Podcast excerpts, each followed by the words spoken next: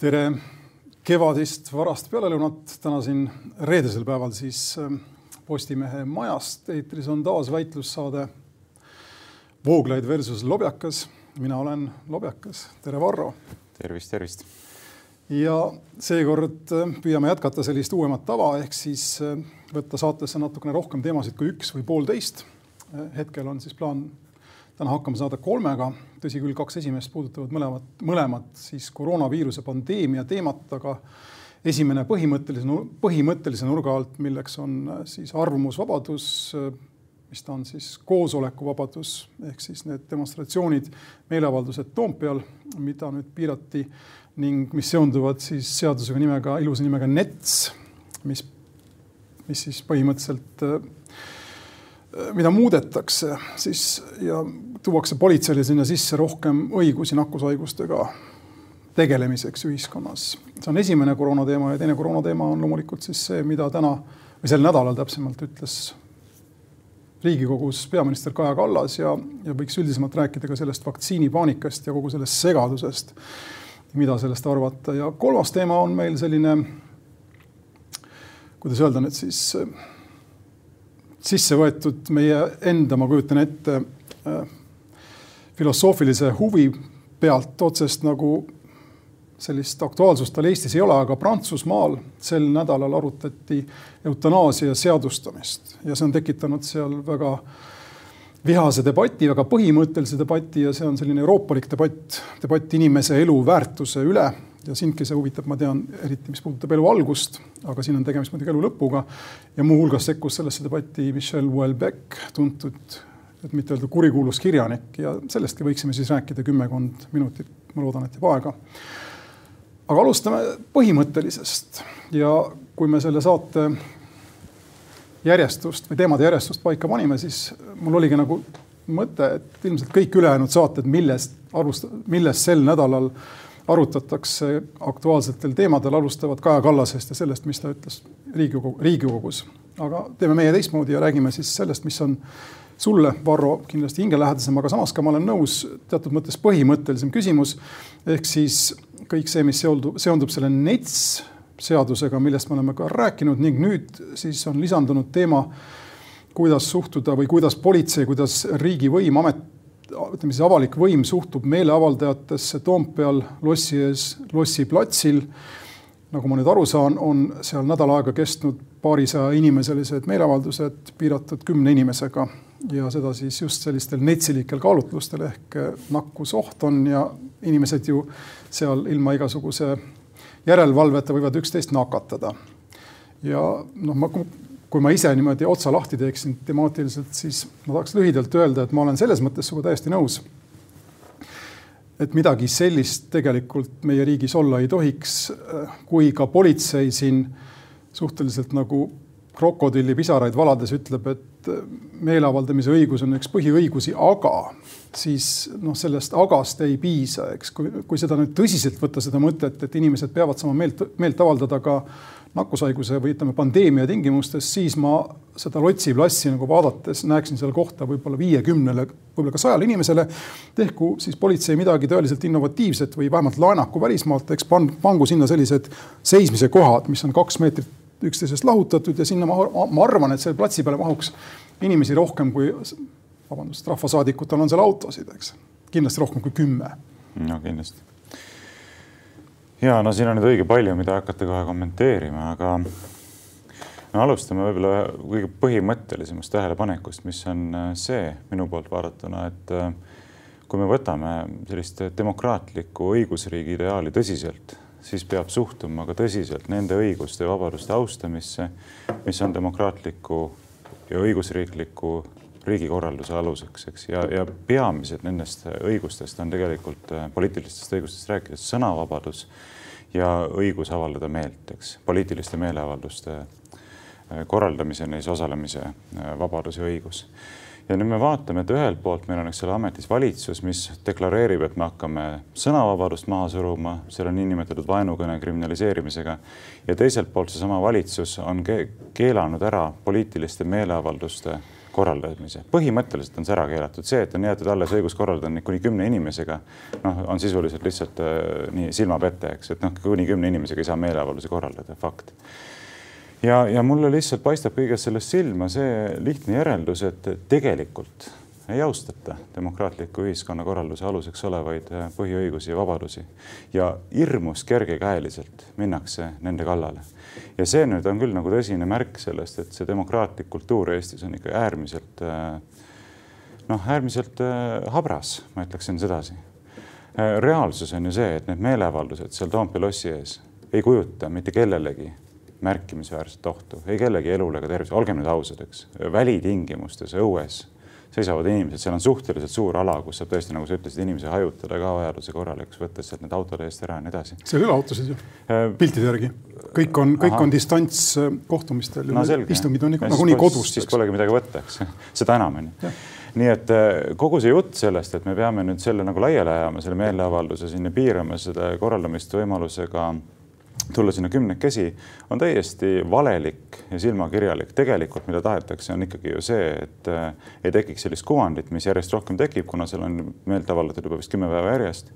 et tegelikult ikkagi valitsus on läbi surumas äh, seaduseelnõud, mis annab politseile liiga ulatuslikud võimalused rakendada vägivalda inimeste suhtes olukordades, kus see tegelikult ei ole lihtsalt põhjendatud jah, sellest, selle juurde tulebki ilmselt tagasi tulla, kuigi tegemist on sellise kommunikatsioonilise apsuga ja, ja ma usun, et kumbki meist ei taha valitsusele tasuta nõu anda, aga tuleb rõhutada seda, et mingi eriline hoolimatus või lausa rumalus äh, on kätketud sellesse fakti, et selle seaduse vastu meelt avaldavad inimesed, ükskõik, mis ma ise neist arvan, äh, politsei noh, sisuliselt siis ma ei tea, sunni rakendamisega aetakse sealt platsilt ära, eks. politsei nagu tahaks juba ette demonstreerida, mis on võimalik uutes oludes ja see ei ole mitte, ma arvan, see, mida valitsus ja tänane koalitsioon, see sõnum, mida siis, mille siis valitsus ja tänane koalitsioon peaksid avalikkusele saatma, kui see NETS ei kujuta endast ohtu, siis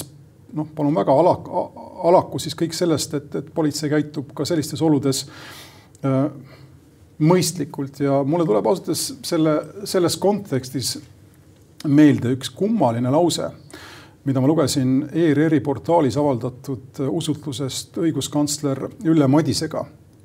ja Madise oli seal väga ettevaatlikul, aga selgelt skeptilisel positsioonil et noh, et teha siis meditsiinilisest küsimusest politsei küsimuseks, ta ütles, see on poliitiline otsus ja tal on täiesti õigus ja ma saan ka aru, miks ta on sellisel tagasihoitud positsioonil, tema ametikoht ei luba, eks, sekkumist sellistesse aruteludesse. aga selles, selles kokkuvõttes oli siis lause, et ma tsiteerin peast, aga enam-vähem täpselt, ma arvan, õiguskantsleri palvel eemaldati sellest eelnõust, NETS-i, siis mis iganes eelnõust, ilmselgelt põhiseaduse vastased punktid ma isegi oleksin tahtnud ausalt öeldes teada, mis need täpselt olid põhi, äh, õiguskantsleri hinnangul, aga juba see lause iseenesest on ju, ma ütleksin. alarmeeriv. mitte ainult alarmeeriv, aga jällegi sellises mõistlikus normaalses ühiskonnas ähm, peaksid olema suure kella küljes, eks järgmisel päeval peaksid olema kõikide lehtede peatoimetaja veerud selle tähe all et, et, et arutada, mida see siis tähendab, et koalitsioon oli pannud, noh, selgelt ju neil on olemas nõunikud ja inimesed, kes saavad aru sellest, mis on põhiseadus ja nii edasi, eks. Nendest tingimustest tuleb välja seaduseelnõu, kus on ilmselgelt põhiseadusvastaseid punkte mm. -hmm. kuidas see võimalik on mm? -hmm väga põhjendatud küsimused, mina tahaksin täpselt samamoodi teada, esiteks, et mis need punktid on ja teiseks ma tahaks ka teada, miks nende selle vastu nagu meedias rohkem huvi ei tunta. ja üks on nüüd küsimus sellest, millised olid need punktid, aga teine on ka küsimus sellest, mis on need punktid, mis seal endiselt sees on ja mulle tundub, et siin ka meedia ei tohiks seda probleemi nagu kuidagi pisendada või väiksemaks mängida, kui see tegelikult on. mina ise ka hoidusin nagu eelmises saates ka nagu tugevamate seisukohtade väljendamisest, kuna ma ei olnud piisavalt jõudnud sellesse küsimusse süveneda. ja ilmselt ei ole siiani jõudnud nagu nii palju süveneda, kui ma juristina tahaksin, et nagu väga selgeid ja tugevaid seisukohti väljendada. aga ma siin paar päeva tagasi küll nüüd võtsin selle eelnõu nagu põhjalikult esile lugesin selle läbi, vaatasin seletuskirja, vaatasin ka korrakaitseseadust, mis äh, on asjakohane selles kontekstis, kui me räägime, mis volitusi, eks ole, politsei saab kasutada ja nii edasi. vaatasin seda nakkushaiguste ennetamise ja tõrje seadust, mis seal juba on sees, et milliseid funktsioone siis äh, terviseamet peab täitma, milliseid saab, milliste täitmisesse saab kaasata politseid koos vahetu sunni rakendamise jõuga ja nii edasi. ja no vähim, mida ma saan öelda, on see, et siin on reaalne probleem, et kui suureks nüüd keegi selle probleemi arvab kui tõsiseks me peaksime seda pidama, see on eraldi küsimus, aga probleemi olemasolu kindlasti ei saa eitada. et kui on selles, mis see nüüd oligi, ma ei mäleta, mis nelikümmend viis sekunda on siis see paragrahv, mis lisatakse nakkushaiguste ennetamise tõrje seadusesse ja seal on öeldud väga selgelt, et Terviseamet võib kaasata oma ülesannete täitmisse äh, jõustruktuurideks, noh, Politsei- ja Piirivalveameti ennekõike, eks. ja kaasatuna Politsei- ja Piirivalveametil on õigus neid funktsioone täites, neid ülesandeid täites rakendada ka vahetut sundi. no eelmises saates ma, ma tõin esile, et vahetu sund tähendab äh, tulirelvade kasutamist, gaasirelvade kasutamist, õhkrelvade kasutamist, elektrirelvade, šokirelvade kasutamist. käeraud, erivahendid on käerauad, jalarauad, sidumisvahendid, muud sellised asjad. kas ma tohin küsida vahele või panna vahele selle mõtte sulgudesse, et kindlasti on kusagil mujal sätestatud proportsionaalsuse printsiip? ja, ja proportsionaalsuse printsiip kindlasti, aga see on siis igakordses, iga, igas konkreetses kaasuses tuleb siis politseinikul hinnata, et kas on proportsionaalne praegu sellel inimesel käed raudu panna ja ma ei tea, kinni pidada, kui ta ei kanna maski näiteks, eks. ja no aga minu küsimus on see, et, et kas üleüldse peab olema seadustega antud politseile rakendada õigus rakendada vahetut sundi sellistes olukordades, kus keegi näiteks terve inimene ei kanna maski näiteks. oletame, et valitsus kehtestab korra tulevikus, et ka tänaval, avalikus ruumis peavad inimesed kandma maski no näiteks oletame, et mina näiteks, ma olen põdenud seda haigust, mul antikehad olemas, ma ei saa uuesti nakatada ega nakatada kedagi, nagu Terviseamet on öelnud, ma ei taha kanda seda äh, hingamistakistust oma näo ees, lihtsalt üksinda õues kõndides näiteks. ja kui ma nüüd ikkagi ei kanna seda, siis politsei võiks tulla ja minule suhtes kasvõi vahetut sundi rakendada panna mul käed raudu, toimetada mind koju näiteks või kuskile mujale, eks ole, et ma ei oleks ohtlik teistele inimestele. kui politseinik leiab, et selline käitumine on proportsionaalne, no minu arvates ei peaks politseil sellist õigust olema, väga vabandan.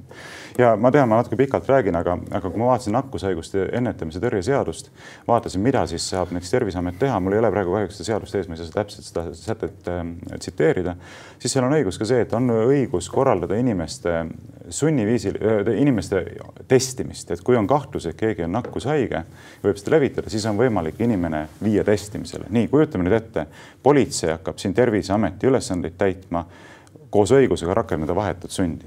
oled sina kodus, sinu suhtes on kahtlus, et sa oled nakkushaige või võid seda levitada, eks, ja tuleb nokk-nokk-nokk ukse peale. härra Lobjakas, me sooviksime teid viia testimisele, niimoodi, et vabandust, ma ei soovi minna, et ma ma ei ole haige, mul ei ole mingit põhjust minna, mul on siin hoopis teised ülesanded ja plaanid ja nii edasi. ei, meie leiame, et see on proportsionaalne, et me praegu peame teid kinni ja lähme testima, eks. tähendab, ühesõnaga noh, siin on tõsised küsimused, noh, ja kui nüüd öeldakse ajalehtede juhtkirjades ja mujal, et oh, ärge nüüd siin maalige tonti suuremaks, kui see on, siis ma arvan, et see no ei ole päris kohane lähenemine, vabandust, pikalt rääkisin.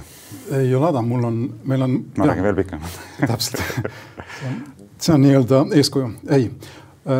see, mida sa ütlesid selle kohta, et noh, et härra Lobekas, teised plaanid ja nii edasi, ma kujutan ette, et midagi sarnast võis mõelda, kui mitte täpselt, kui mitte ka välja ei suutnud seda öelda Maire Aunaste, kes oli enda autos, tal olid mingid plaanid, eks midagi temaga juhtus ja siis sunniti ta testi tegema. no see, mida sina räägid, no täpselt see, mida sina siin praegu, see pilt, mille sa maalid noh, antud kontekstis on, on, on mõistlik või arutatav, aga on ju ilmselge, et kui politsei lõpetab valitsuse või ütleme, seaduste ja valitsuse määruste jõustamise, siis varem või hiljem valitseb meil anarhia, eks, ja ma usun, et keegi ei vaidle meil sellega, et kui inimene tõmmatakse politsei poolt tee äärde ja pannakse puhuma või tal on, ütleme, tekitanud, ta on tekitanud liiklusõnnetuse, seda enam, eks pannakse puhuma, ta keeldub puhumisest, tal on õigus minna haiglasse, annab vereproovi, aga mingil hetkel teda tuleb testida, eks mm. -hmm. ei ole ju niimoodi, et me saaksime kõik seada selle vabaduse jalgadele, et ma võin keelduda kõigest üksikisikuna, mida riik mulle tahab ette kirjutada, nii et, et siin ma sinuga päriselt nõus ei ole. aga sa oled ju nõus, et need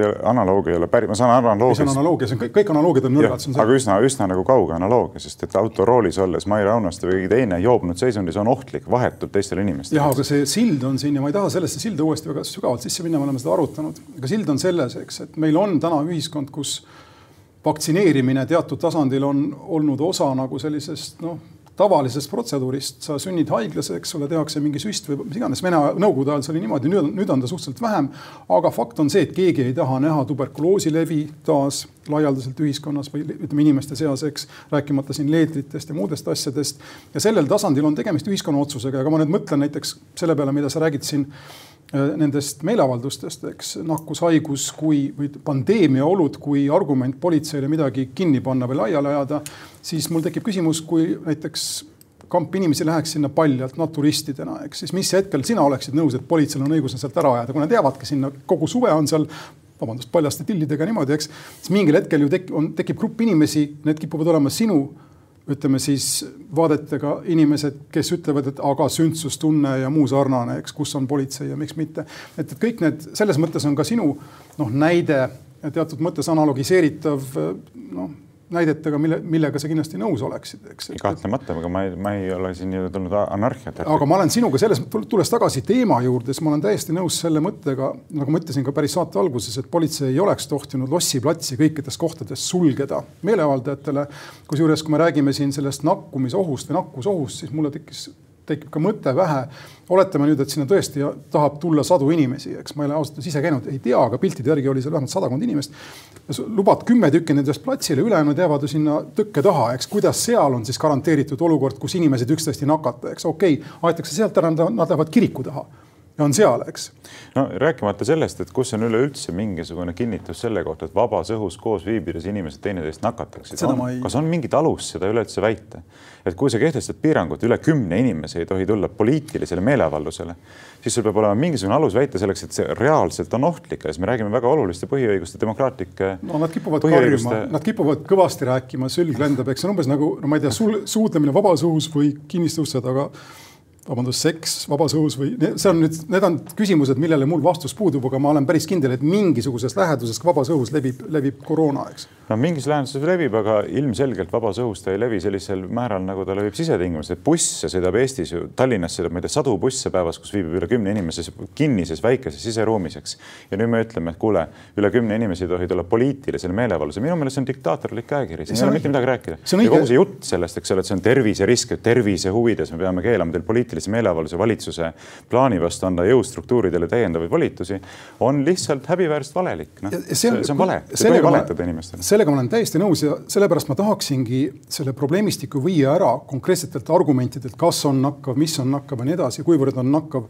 ja tulla tagasi selle mõtte juurde, et kui politseil ja riigivõimul on tõsine respekt selle väärtuse vastu, milleks on siin meeleavaldamine või koosolekuvabaduse, mis iganes, kuidas iganes teda kutsuda, siis tuleks ju äh, nii-öelda proaktiivselt leida võimalused võimalikult palju inimesi seda õigust lasta teostama võimalikelt, võimalikult äh, ohututes oludes. ja seda ilmselgelt pole juhtunud ja siin me oleme tagasi tõesti selle äh, põhimõttelise küsimuse juures, mille kohta sina ütlesid, et meil on demokraatia kultuur habras. mina ütleksin ja ma olen seda varem öelnud, et see kultuur ei ole mitte üksnes habras, vaid ta on täiesti puudu ja inimesed, kes ühiskonda juhivad, ühiskonnas on nii-öelda juhtivad valgus valgusosakesed, mis iganes, kes nagu asja jagavad, isegi nende jaoks ei ole põhiväärtused tihti päris noh, ei oma päris lõplikku tähendust, eks. Me näeme seda üldisemas plaanis täiesti noh, selles debatis, mida mina jälgin, mis on haritud, informeeritud debatt siin selle pandeemia üle.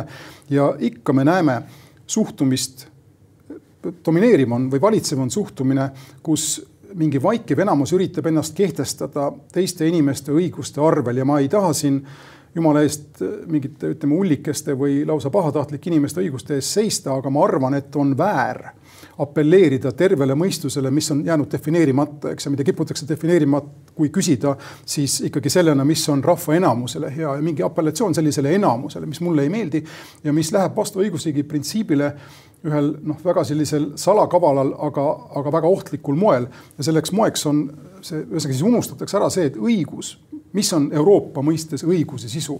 ma tsiteerin siin Saksa väga populaarset ja filosoofilist autorit tänapäeval Friedrich von Schirachit, kes meenutab meile, meenutas mulle vähemalt ühes hiljuti, õigus kaitseb alati nõrgemat ükskõik, mis sa sellest nõrgemast arvad, ükskõik kui rumal sa arvad, et on või mis iganes, eks, ükskõik kui väärad on tema arvamused, aga õigus peab olema tema poolt, mitte enamuse või ma ei tea, nende poolt, kellel on võim või tugevus, eks.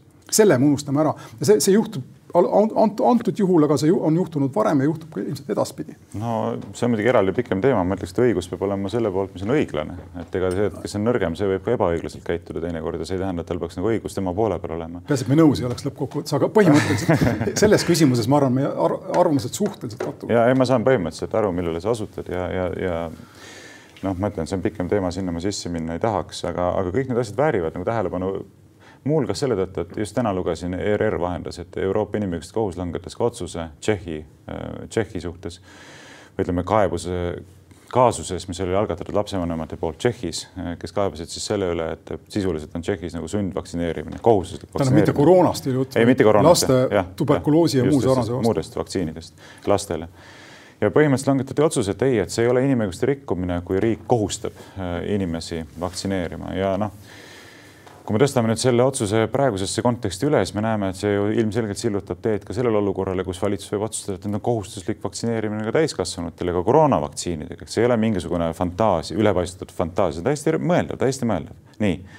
Äh, ja nüüd me mõtleme uuesti selle NETS-i peale, eks. Politsei koos oma vahetu sunniõigusega Terviseameti ülesannetes võiks siis hakata jõustama seda kohustuslikku vaktsineerimist või no ühesõnaga no tee, mis tahad, minule paistavad siit nagu tumedad ja ohtlikud perspektiivid, mida mina mitte mingil juhul ei tahaks näha ühiskonnas teostumas ja need erakonnad, kes nimetavad ennast liberaalseteks, peavadki endale aru andma, et noh, see illusioon on võimatu, seda illusiooni on võimatu üleval hoida, kui sa samal ajal ise ei austa elementaarseid demokraatlikke õigusi, nagu, nagu seda on õigus ka meelt avaldada. kusjuures need ei ole demokraatlikud õigused otseselt, need on just põhiõigused, mis ei sõltu ühegi enamuse arvamusest, mida ei ole võimalik maha hääletada, seda ma olen ka varem üritanud rõhutada, ma arvan, et sa teed väikse põhimõttelise vea. ei, nad on selles mõttes ka demokraatlikud aga... õigused, meil ei ole võimalik mõelda demokraatlikust ühiskonnakorraldusest, kui meil puudub sõnavabadus ja õigus meelt avaldada. jah, seda küll, aga mis sind päästab antud juhul ja ma tean, et see ei ole sulle piisavaks lohutuseks, aga miks mul ei ole mingit hirmu selle ees, et keegi hakkaks meid sunni, sunniviisiliselt vaktsineerima on põhjus, et meil tulevad valimised ja kui seni, kuni tulevad valimised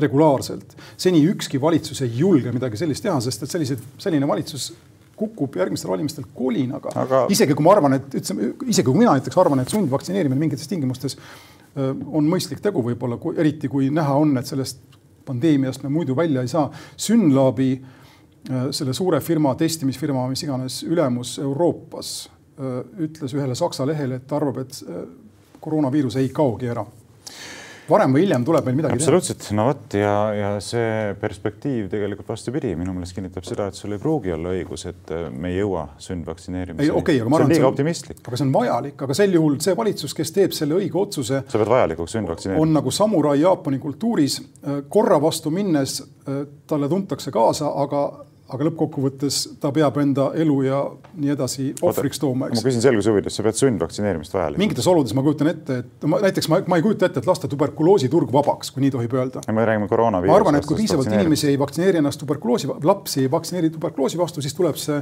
sunniviisiliselt see vaktsineerimine sisse viia, seda ma arvan küll ja ma arvan, et see laieneb, nagu sa ütlesid, ka lõppkokkuvõttes. aga mitte... kuidas see on kooskõlas sinu nagu liberaalse ilmavaatega? aga kuidas on see kooskõlas minu liberaalse ilmavaatega, et ma pean välja, välja minnes panema püksid jalga või näiteks, et poodidel ei lasta müüa kaupa seni, kuni see ära mädaneb, vaid on pandud mingisugune tingimus, mis tegelikult juustu puhul on, ütleme näiteks idiootlik, eks juust ei lähe halvaks iseenesest. aga ei tohi müüa, müüa pärast äh, seda best of date'i ja nii edasi, meil on nii palju reegleid, mida me nagunii aktsepteerime, mis, sorry, ma lihtsalt lõpetan selle mõtte ära, mis, mis on olemas sellepärast, et ühiskond, teatud mõttes ka kogukond, on otsustanud, et sellised on, vabandust, ühiselu reeglid. Ja teatud ulatuses ka mina olen nõus sellega liberaalina, et ühiselu reegliteta ei oleks meil mitte midagi.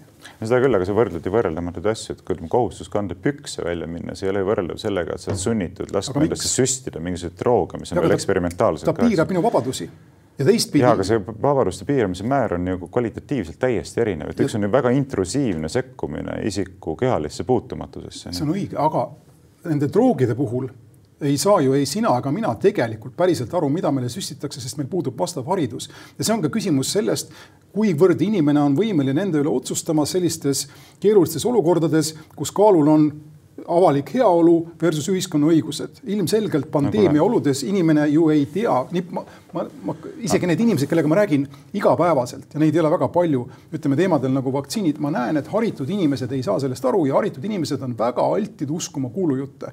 sellistes oludes ma ütleksin, et vabandust, aga nendes piirides tuleb tihti võib-olla, on võib-olla vaja korrigeerida siis nende vaba tahet, midagi teha ei ole no,. sellega ma ei nõustu, ilmselgelt ei nõustu ja ma ütlen, me jõuame niimoodi nagu väga düstoopilise ühiskonnani, kui me ütleme, et need inimesed, kes ei saa aru nagu vaktsiinide tähendusest, nende eest peavad otsused selle kohta, kas neid tuleks vaktsineerida või mitte, langetama teised inimesed, et sellel ühis, sellisel ühiskonnakorra, oota, sellisel ühiskonnakorraldusel ei ole nagu vabadusega mitte midagi pistmist.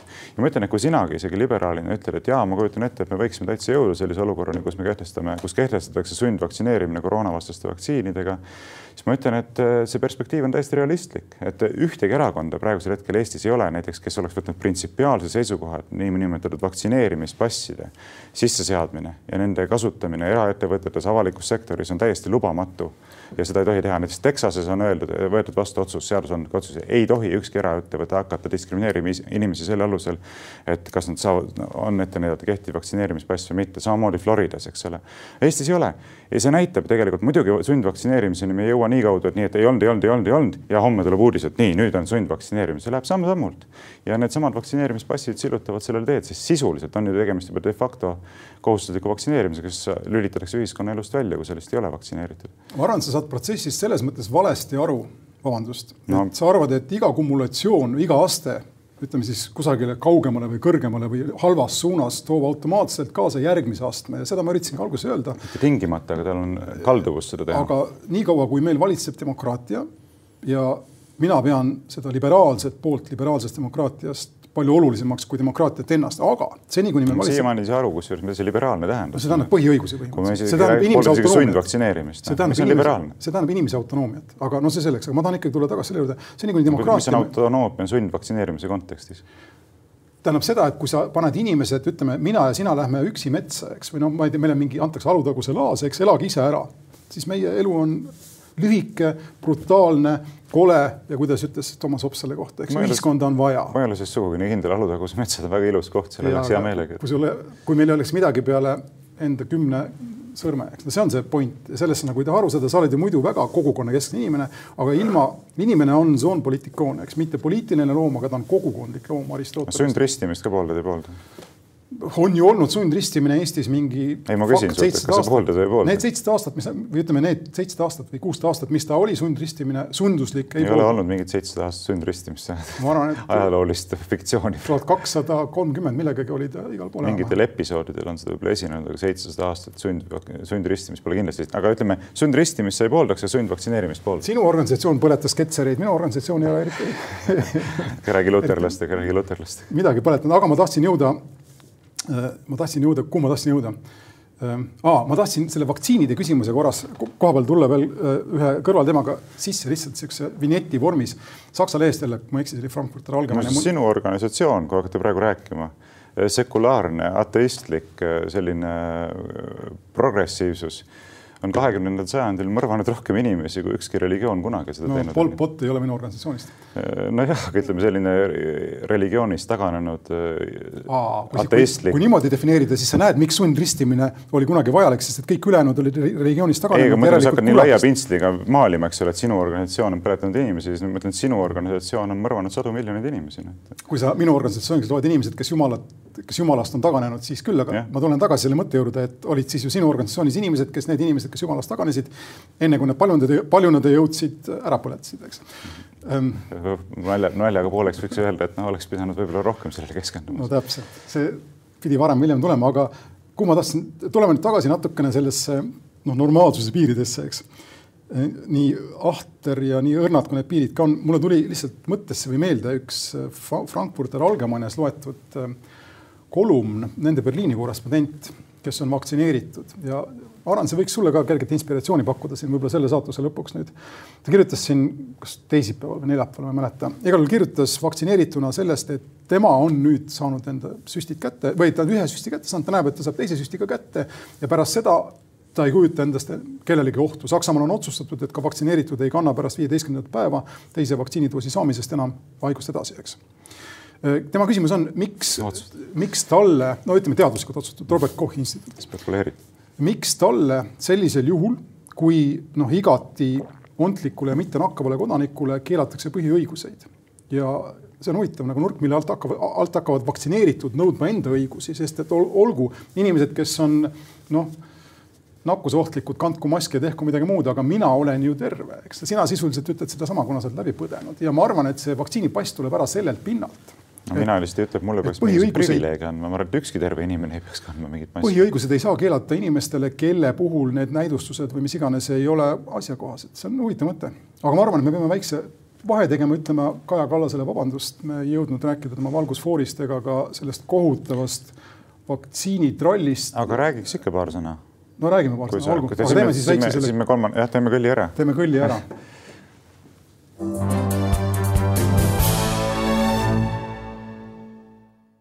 ennast veidikene pidurdama, sest et kui ma tõesti ütleksin seda, mida ma arvan kõigest sellest, siis ma jookseksin kokku ja ma hakkaksin ilmselt kasutama ebatsensuurseid väljendeid ja nii edasi. igal juhul mina olin üks nendest, kes registreeris ennast äh, eelmise nädala lõpul äh, alates, ma ei tea, seitsekümmend või ennem kui aasta seitsekümmend üks sündinud lainega sinna sellesse mis ta on siis sellesse kampaaniasse, eks, mis tekitas nii palju muret, et jama pärast äh, siin Üll, on Üllar Lanno meil Terviseameti juht, kui ma ei eksi, või rääkis, kuulsin raadiost selle erafirma karistamisest, kes selleks, et võimalikult palju inimesi vaktsineerida olukorras, kus vanemad inimesed välja ei tule, üldse avas need uksed, eks. ja siis, mida öeldi kogu nädala jooksul siin erinevate ametnike, poliitikute suust äh, AstraZeneca kohta see ju põhimõtteliselt ajab pea ringi käima, eks. kuidas sellise ja nüüd tuleb selline valitsus siis välja tänane valitsus tuleb siis lõpuks välja ühiselu korraldamise reeglitega pandeemia tingimustes, eks pandeemia on möllanud kolmteist kuud. kuidas seda kõike kommunikeerida, mul on inimestest kahju, kes seda kõik kommunikeerivad, aga, aga, aga mul on ka noh, mul lihtsalt ei ole mitte midagi mõistlikku ega head öelda selliste ametnikega valitsuse kohta, kes ei suuda isegi kõige lihtsamas asjas ära otsustada seda, mis on oluline. oluline on see, et vaktsineerida võimalikult palju inimesi võimalikult kiiresti, et normaalsus võimalikult kiiresti naaseks, kogu lugu. nojah, et ütleme seda argumentatsiooniliini eelduseks võtta, siis käsitledes prioriteedina vanemaid inimesi, eks. kui neid ei ole, siis ei ole. ja kui neid ei tule, siis järgmised, järgmised. nii, aga muuseas, me jäime mõtlema, et sa rääkisid seitsmekümnendal, seitsmekümnendatel sündinud või seitsmekümnendal või pärast seda sündinud. seitsekümmend üks. ja siis mul tuli meelde see, et see oli, see algselt oli mõeldud prioriteedina seitsmekümne aastastele ja vanematele. siis ma tahtsin sulle komplimendi teha, et sa näed oma vanuse kohta väga hea välja. aga noh, nali naljaks aga mis mind, miks ma ütlesin, ma tahaksin kindlasti seda teemat korraks puudutada, on see, et see valgusfoori idee kui selline on ikka täiesti uskumatult infantiilne minu arvates. see on hea sõna, mul oli lapsik, aga sul on rohkem silpe ja see on parem sõna. ja, ja ta on peenem ka, võõrsõna vaata. et kujutad sa nüüd tegelikult ette, millest me räägime, räägime sellest, et, et inimeste noh, jällegi ärge hakake nagu absurdi seda pöörama, et ainult õigused ja vabadused, õigused ja vabadused, aga me räägime reaalsetest asjadest, me räägime inimeste eludest, eks ole, inimeste ettevõtted lähevad pankrotti, inimesed jäävad sissetulekut, inimesed jäävad koduta, ei saa pangalaene maksta, eks ole, nii edasi. et kõik need õigused, nende õiguste teostamine, millest need asjad seos, millega need asjad seonduvad või mis nendest asjadest sõltuvad, pannakse siis sõltuma mingisugusest värvist, mingisugusel indikaatoril mis omakorda sõltub mingisugustest numbritest, mis tegelikult ei oma laias laastus erilist tähtsust, eks. mingi täiesti mehaaniline süsteem selline. nii, sina pead oma, ma ei tea, kohviku kinni panema, kuna kollase asemel tuli oranž värv, nii. vabandust, miks ma pean selle kohviku kinni panema, mis ohtu minu kohvik kellelegi kujutab, eks. millised reaalsed probleemid seonduvad sellega, et ma saan oma kohvikut lahti hoida, kasvõi ma ei tea, hajutatumate laudadega ja nii edasi Eh, ja mulle tundub, et kogu selle valgusfoori mõtteks on see, et valitsus tahaks edaspidi vältida olukorda, kus ta peab langetama ebapopulaarseid otsuseid, midagi piirata. et paneme paika sellise värvide süsteemi, mis eh, rakendab ennast täiesti automaatselt ilma mingi otsuseta, onju. terviseamet ütleb, näed, number on selline, pumm oranž tuli läheb põlema, nii meie ei pea, meie ei otsusta midagi, me ei piira mitte midagi, lihtsalt oranž tuli tuli, noh, saate aru, et midagi pole teha ja muuseas õiguskantsler väidetavalt ütles, ma nägin, keegi oli teda tsiteerinud, ma ei tea, kas, kus ta seda ütles, ma ei saa seda tsitaati kontrollida. aga igal juhul ta ütles niimoodi, et kurb on sellist asja näha. hädaolukorra põhjus saab olla üksnes tervishoiusüsteemi ülekoormus, plaanilise ravi piiramine, arstide, õdede, hooldajate ülekoormus. seega on peamine mõõdik prognoositav haiglakoormus. see tuletatakse positiivsete testide arvust ja nakatunute profiilist Äh, lahkunute arv ei sobi mõõdikuks üldse, sest meil erinevalt mõnest teisest riigist kantakse esialgu kõik koroonapositiivsed lahkunud koroona tõttu lahkunute hulka. Need andmed täpsustatakse mitmekuulise viitega, kevadel kuuskümmend neli kahanes seitsmeteistkümneks, igal juhul väga kurb töö ja sissetuleku võtmise põhjus ei saa seaduse kohaselt olla sümbolväärtusega märk punane, oranž ega kollane. oluline loogiline analüüs, miks piiranguta ei saa edasi minna praegu on keelatud palju olulise nakkusohuta tegevust, seadus seda meie ametkonna hinnangul ei luba. nii. ja minu meelest igati mõistlik seisukoht, et ma tahaksin isegi näha, et nagu jõulisemalt see seisukoht kõlama pandakse, et niimoodi mingi valgusfooriga hakata inimeste põhiõigusi piirama on ikka noh, ma ütlen täiesti absurdne lihtsalt, et ma, ma, ma isegi ei suuda ette kujutada, et me oleme nii kaugele jõudnud omadega. see on lapsik kujund kindlasti on noh, mõõdikud mingil tasandil, analüüs on ka võimalik ainult äh, andmetega, eks, ja andmete analüüs on vajalik. milliste andmetega? selle, sellega keegi ei vaidle. mina vähemalt ei vaidle. mul on probleem rohkem selle elementaarse kaose ja segadusega, mis meil siin vaktsiinide ümber on tekkinud. tohib ma pistan selle vahele ühe lause, hästi lühidalt? see on sümptom. ma pistan, jätka kohe, aga ma ütlen, et kui me räägime nagu numbritest, siis õiguskantsleril, kui see on tema tsitaat, on, on ju selles mõttes täiesti õigus, et on üks ainukene number, mis tegelikult õigustab inimeste väga oluliste õiguste ja vabaduste piiramist, see on see, et meditsiinisüsteem ei saa olukorraga hakkama, eks. nii, kõik muud numbrid ei ole tegelikult asjakohased, sellepärast et see.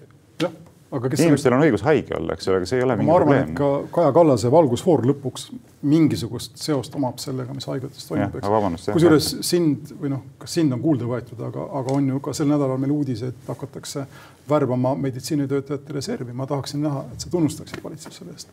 ma ei ole kursis, aga kui see nii on, siis loomulikult.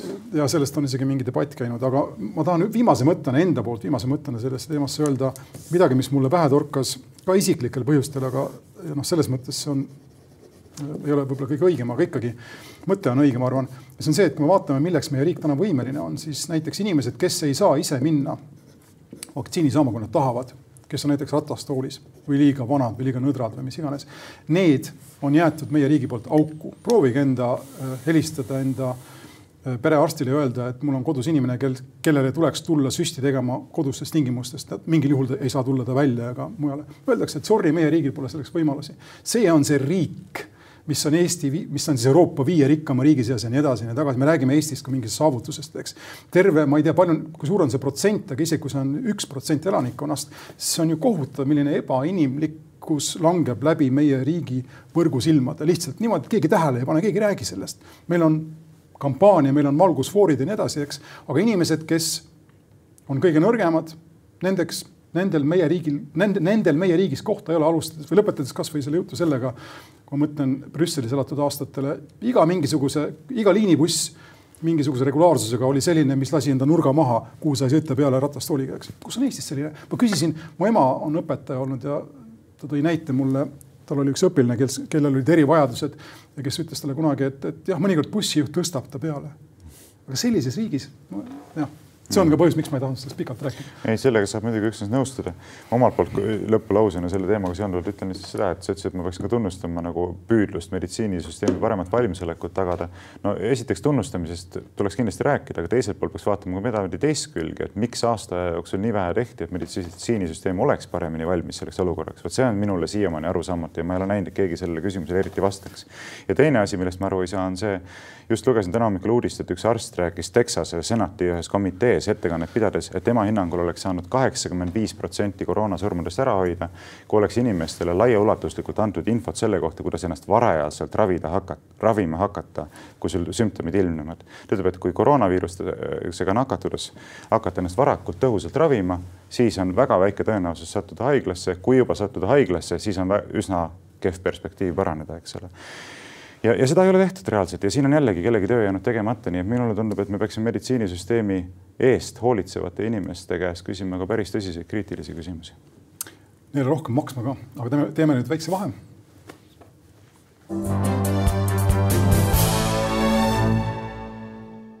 ja teema, mille, mille ma reklaamisin välja südamelähedasena, on ikkagi jäämas vaeslapse rolli, aga ilma. tahtsid kümme minutit, jäi kaheksa. jäi kaheksa jah nii, teema on siis eutanaasia, mis iseenesest on ju täiesti päevakajaline, kui ma oleksin vana ja ütleme, ratastoolis inimene Eestis, siis minu ainukene valik pandeemia tingimustes või mõistlik valik oleks ennast ilmselt äh, hukata, sest et ei ole mul võimalik minna ei vaktsiini saama ega ka bussiga sõita ega, ega palju muid asju teha. sa nüüd ütled, et vanad ja ratastoolis inimesed peaksid enesetappu tegema? ma seda ei ütle, aga ma lihtsalt tahan öelda, et Eestis on see teema tegelikult peaks olema väga noh, tundlik, iseasi on see, et Eesti on nüriühiskond ja, ja inimesed on sellega harjunud, aga noh, see on omaette teema, eks. igal juhul Prantsusmaal on ta võetud selliseks, ühesõnaga ta on, debatt on läinud filosoofiliseks ja nagu ma ütlesin, Michel Houellebecq, tuntud kirjanik, sekkus selles, avaldas esmaspäevases Le Figaro's põhimõttelise artikli, kus ta ütles, et riik, mis legaliseerib eutanaasia, on riik, mis ei vääri äh,, riik, mis mitte ainult ei vääri edasi eksisteerimist, vaid mis tuleks maa pealt pühkida selleks, et teistel ja parematel kultuuridel oleks šanss. mis oli päris huvitav mõttekäik, mõttekäik oli siis noh, põhi, põhi, põhi, põhjendus oli selline, et kannatused on osa inimese elust, eriti moraalsed kannatused ning füüsilised kannatused ei pea tingimata olema surma tahtmise põhjuseks, sest et meil on ammu olemas morfiin ja psühho- ja psühhiaatria, ei, hüpnoos, mille mõlemaga siis saab neid leevendada. see oli väga huvitav mõttevaldus, tõenäoliselt eutanaasia Prantsusmaal legaliseeritakse, nagu ta on legaliseeritud Belgias, Luksemburgis ja Hollandis aga mida vist Welbeck tahab öelda, kui ma õigesti aru saan, on see, et inimene peab enda elu ise, ta ole muuseas enesetapu vastu, selles viimases serotoniinis tema peategelane sisuliselt läheb enesetapu suunas, eks. aga keegi teine ei tohi sind aidata, sa pead ise kuidagi hakkama saama, mis on ka omaette selline väga liberaalne, väga kantiaanne mõte. ainult ise. Eks enesetapp ongi ju võimatu õiguslikult keelata. Põhimõtteliselt noh, mis mõttes keelad, sa keelata võid, aga kui inimene sooritab enesetapu, siis mis me siis teeme, karistame tema Sugul, laiba. sugulasi võid karistada. sugulasi, jah, nali naljaks, aga põhimõtteliselt on see võimatu, aga ma arvan, et see on ka võib-olla selle arutelu, ma arvan, et me peaksime tegelikult selleks aruteluks teinekord rohkem aega võtma, tuleme selle teema juurde millalgi tagasi, sest see on ikkagi noh, fundamentaalsete küsimuste puudutamine kui me tahame sellest sisuliselt rääkida. ükski suurtest uskudest ei ole nõus sellega. Äh, jah, noh, ja küsimusi on sellest, et äh, kuidas me inimelu väärtustame, milline kultuur me oleme, milline ühiskond me oleme, eks, et äh, kas me oleme selline ühiskond, mis ütleb, et süütut inimest võib tahtlikult tappa või me oleme selline ühiskond, mis ütleb, et vaadake, et see on meie jaoks sellise astme väärtus, et siin me ei tee mitte mingisuguseid kompromisse. süütut inimest tahtlikult tappa mitte kunagi mitte keegi ei või. kas tema nõusolekul, ilma tema nõusolekuta, kas teadvusel olles, mitte teadvusel olles, ei, ei või, printsiip. sellisena on tegelikult Euroopa kristlik kultuur üles ehitatud, kristlik tsivilisatsioon. see on fundamentaalne printsiip, nii nüüd sa juba ennem saates osutasid sellele, et tegelikult praktiliselt kõik riigid Euroopas on sellest printsiibist lahti öelnud, seadustades laste tapmise ennem sündi, massilise laste tapmise enne sündi, mida valitsused ka rahastavad väga ulatuslikult, kaasa arvatud Eesti Vabariigi valitsus, mistõttu muidugi nii silmakirjalik see jutt siin nagu tervise ja elu kaitsest, mille pärast jubedalt pingutatakse, samal ajal ise rahastades tuhandete süütute inimeste tapmist onju aga, aga see nagu näed, on selline libe nõlvak, läheb edasi, et alguses me loobume selle printsiibi austamisest elu alguses, järgmiseks me loobume selle printsiibi austamisest elu lõpus. Ja kolmas aste on see, et me loobume selle printsiibi austamisest läbivalt, et miks me peaksime siis eutanaasia, ütleme selle assisteeritud enesetapu võimalust pakkuma seaduslikult üksnes nendele inimestele, kes on väga vanad ja väga haiged, et siis võib pakkuda seda juba ükskõik kellele, kui tahte autonoomia on selline absoluutne printsiip siis ma ei tea, mina neljakümne aastaselt olen väsinud sellest elust siin maa peal ja lähen haiglasse, ütlen palun haigekassa kulul sooritada mulle eutanaasia. noh, kelle asi siis on, minu elu, minu otsus, eks noh, küsimuseks jääb, et kas ma olen oma elu autor, kas ma olen oma elu omanik, kas ma võin selliseid otsuseid langetada. et ma tahan öelda lihtsalt seda, et ma arvan, need on kultuuriliselt ja tsivilisatsiooniliselt kohutavalt kaugeleulatuvate tagajärgedega otsused. nii et natuke nagu primitiivne oleks seda taandada lihtsalt privaatautonoomiale. ei, aga kindlasti on ta taandatav tahtevabadusele ja tahteautonoomiale, sest et indiviid on meie Euroopa ühiskonna tänane suurim väärtus, isegi kui sina sellega nõus ei ole. Ja probleem äh, nende sündimata tapetud või siis äh, abordi lastele, las-, lapsed, kes on abordi käigus siis surnud, tuleb või loota, et kes on abordi käigus surnud, eks. Nende puhul probleem on selles, et nende tahet ei ole võimalik kindlaks teha ja nende eest otsustab keegi teine. ja selles mõttes see paralleel eutanaasiaga on olemas, et teatud mõttes, kui sa jätad selle kellegi teise kätesse, siis sa loobud sellest tahtest või ütleme, tahtmise absoluudist, ehk sa pead ise olema vastutav iga enda teo eest, väga kantiaanne printsiip ja keegi sind ei tohi mõjutada ega suunata ega ka aidata. aga see on praktiliselt võimatu ja ei, ma olen nõus sellega, ega need, ega siin midagi, ütleme absoluutse selgusega ei ole võimalik sätestada, ma lihtsalt üritan aru saada sellest Welbeckist ja selle tema nagu vaates debatile, aga mis ma, mis mulle konkreetsemalt tundub problemaatilisena, on see tema äh, apellatsioon või viide nüüd asjadele nagu morfiin ja ja hüpnoos ning tema enda elu näitel ka alkohol, vein, eks, mis aitab palju asju ilmselt paljusid asju kergemini võtta. jällegi tulles tagasi nende vanade või ütleme nõtrade või muidu lihtsalt puuetega inimeste juurde, kellel on tahe, aga kes ei saa kehaliselt Eesti sarnases ühiskonnas seda tahet teostada, ei saa bussiga kusagile minna, ei saa üldse kusagile minna ja riik sellest ei hooli, siis sellistel puhkudel ma ei näe, kuidas selline väärikuse kadu ei oleks moraalne või noh, nagu selles mõttes seotab tahte ja inimese autonoomiaga, eks. ta võib jätta küll mulje füüsilisest puudest, et see on midagi sellist pealiskaudset võrreldes inimese ja tahte autonoomiaga, aga tegelikult niimoodi ei ole. Ulbeck tundub arvavat, et, et kõik on ravitav morfiiniga, aga päriselt see nii ei ole.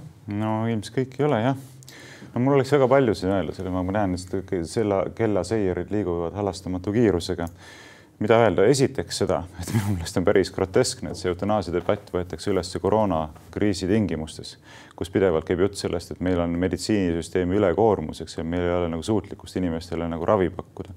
et kui me võtta see ülesse sellest kontekstist, siis vaata, mis tendents meile siit vastu vaatab, on ju, et kuidas me lahendame siis meditsiinisüsteemi ülekoormuse probleemi, kuidas me lahendame seda probleemi, et me ei suuda inimeste eest piisavalt hoolitseda, aga loome seadusliku võimaluse nende äratapmiseks niimoodi.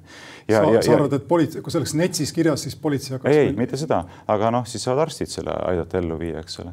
võib-olla, võib-olla ka lähisugulased, ma ei tea, mis regulatsioon välja mõeldakse, eks, aga, aga probleem ongi selles, et vaata, kui me loome seadusliku võimaluse, et inimest võib siit elust minema saata tema äratapmise teel, siis tema enda nõusolekul äratapmise teel, siis see kultuuriline üks väga oluline tendents tekib või selline, kuidas on incentive inglise keeles, suunav selline, suunav. stiimul stiimul, stiimul on õige sõna et äh, sul on seaduslik valik, oletame, et sa oled kaheksakümmend, eks, ja su lapsed äh, peavad sind hooldama, sa ei taha äh, surra, sa tahaksid veel elada ja nii edasi, aga sa ei saa endaga enam päris hästi hakkama, eks.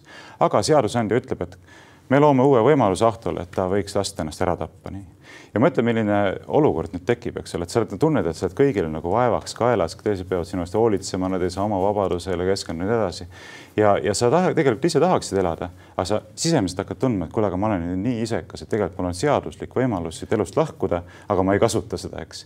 ja vot kuidas selles kontekstis teostub näiteks tahtevabadus, on ju, mina tahaksin elada, aga ma näen, et mu lähedased pigem eelistaksid, et ma mingeid teisi valikuid rakendaksin, eks mis on ta vaba, vaba tahe, lõpuks jah, sa kirjutad paberile alla, jah, ma tahan, et mulle tehtakse eutanaasia, onju. aga sellesama seadusandliku sammuga on loodud selline surve sulle, mille tõttu sa oled sellist asja üldse valmis tegema, mida sa muidu ei oleks teinud, eks ja keegi ei saaks ka sult sellist sammu oodata. sul on suurepärane võime maalida musta stsenaariumi, kusjuures see viimane ei ole sul üldse ebamõistlik ja see on, see on väga huvitav mõte aga meil ei ole selle arutamiseks kahjuks aega. tuleme teinekord tagasi. jah, aga mina lõpetaksin äh, selle saate naastes enda mõtte juurde et noh, okei okay,, see kõik, mis sa ütled, on õige ja võimalik, aga fakt on see, et meil on inimesi, kes kannatavad ja kellel ütleme ka kõige mõistlikuma noh, arutelu juures on näha, oleks õigus või peab olema õigus ise lahkuda, ise otsustada. ja kui sina talle uskliku inimesena ütled, et, et tal on teine või igavene elu, siis kujuta ette tema pettumust, kui ta sureb ära. kui ta kannatab selle asja ära, eks, ja siis lõpuks sureb hirmsalt valudes ja jumalat ei ole. aga kujuta ette tema pettumust, kui ta laseb ennast ära tappa ja avastab, et jumal on. jah, seda ka see on iseenesest huvitav konundrum, millega siis see saade lõpetada. igal juhul kuulasite, vaatasite väitlussaadet Vooglaid versus Lobjakas. tänan kuulamast. kohtumiseni.